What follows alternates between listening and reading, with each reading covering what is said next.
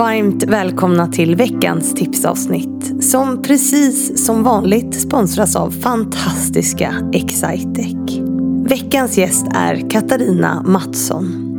Hon har jobbat med mångfald och kultur på Volvo. Vilket ju såklart var ett enormt utmanande jobb. Men som också kom med massor av lärdomar. I hennes avsnitt som släpps på söndag så pratar vi om hur man i en så stor organisation förändrar en kultur och människors agerande. Och hur de där fina strategierna som vi ofta sätter upp inte är till någon nytta om man faktiskt inte gör just det. En annan sak vi pratar om är att jämställdhet ofta klassas som en värderingsfråga. Vilket den visserligen är till stor del. Men det gör också att vissa tycker den är valbar. Så vad gör man när människor säger att de inte vill jobba med sakerna för att man inte brinner för dem? Och hur hanterar man motståndet som kan komma när man jobbar med de här frågorna? Ja, det är ett intressant samtal mellan mig och Katarina som jag hoppas kan ge er nya lärdomar nu på söndag. Och för att ni ska få en liten försmak på vårt samtal och för att ni ska få lite bra konkreta tips så här i mitten på veckan. Ja, då ska ni idag få tips från Katarina på var ni kan börja för att förändra eran kultur.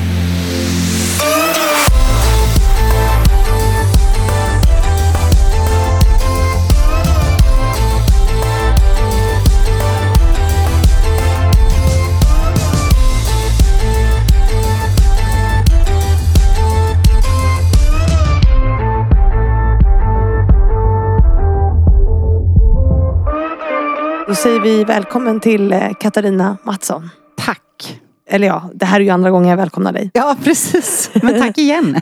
Denna härliga sommardag eh, när det äntligen har blivit lite svalare än vad det har varit de senaste tre dagarna. Eller sen midsommar egentligen. Ja, ni har haft värsta värmeböljan här uppe i Stockholm. Total värmebölja kan jag säga. Eh, Så jag är nästan lite lättad nu även om man inte får klaga på värmen. Nej, får man inte göra. Är det skönt att kunna andas faktiskt. Mm. Men vi sitter här eh, 28 juni, eh, börjar bli redo för semester. Mm. Du har tagit dig från västkusten hit, inte för min skull utan vi passade på att Ja. eh, spela in nu när du var här. Mm. Och vi har pratat länge om att driva ja, kulturförändringsarbete egentligen i en mansdominerad värld. Mm. Du har gjort ett, ett jättejobb på Volvo. Tillsammans med många, men absolut. Tillsammans med Yes. många. Men, men du hade ju på något sätt en ledande roll Ja. där. Och har ifrån det gått till att starta eget och jobba med det i andra organisationer. Så. Mm. Men att förändra en kultur är ju inte lätt. Nej. Eh, Framförallt inte i en så stor organisation. Mm. Så att idag ska du få ge tips på, för det här är ditt tipsavsnitt, Mm. hur man börjar om man vill förändra sin kultur. Mm. Ja. Jag tänker så här att eh, som med mycket så måste man faktiskt ha sin högsta ledning med sig. För att om man verkligen ska se till att driva igenom ti- någonting inom hela organisationen då måste man ha ledningen med sig. Och när man har det då har man kommit en bra bit på vägen. Men man behöver också tänka så här att vi är alla vår egen arbetsmiljö. Så vi har alla ett personligt ansvar för att också se till att vi lever kulturen varje dag. Så vi behöver påminna varandra och vi behöver kanske fråga varandra och kanske efter ett efter, efter ett teammöte, bara ta fem minuter. Hur, hur har vi det nu då med kulturen? Lever vi den eller ja, är det något vi behöver göra? Så det är viktigt tänker jag, att det inte är någon annan som ska driva det utan vi är alla med och driver det tillsammans. Och tar in vad betyder det för oss i, i våra team eller för mig som person. Och sen tänker jag att det sista är det här som många säger att kulturen sitter i väggarna. Nej, där sitter den ju inte. Den sitter ju mellan väggarna. Den sitter ju i oss människor. Så att vill vi förändra någonting så är det vi också som måste göra det då. För det är där det händer.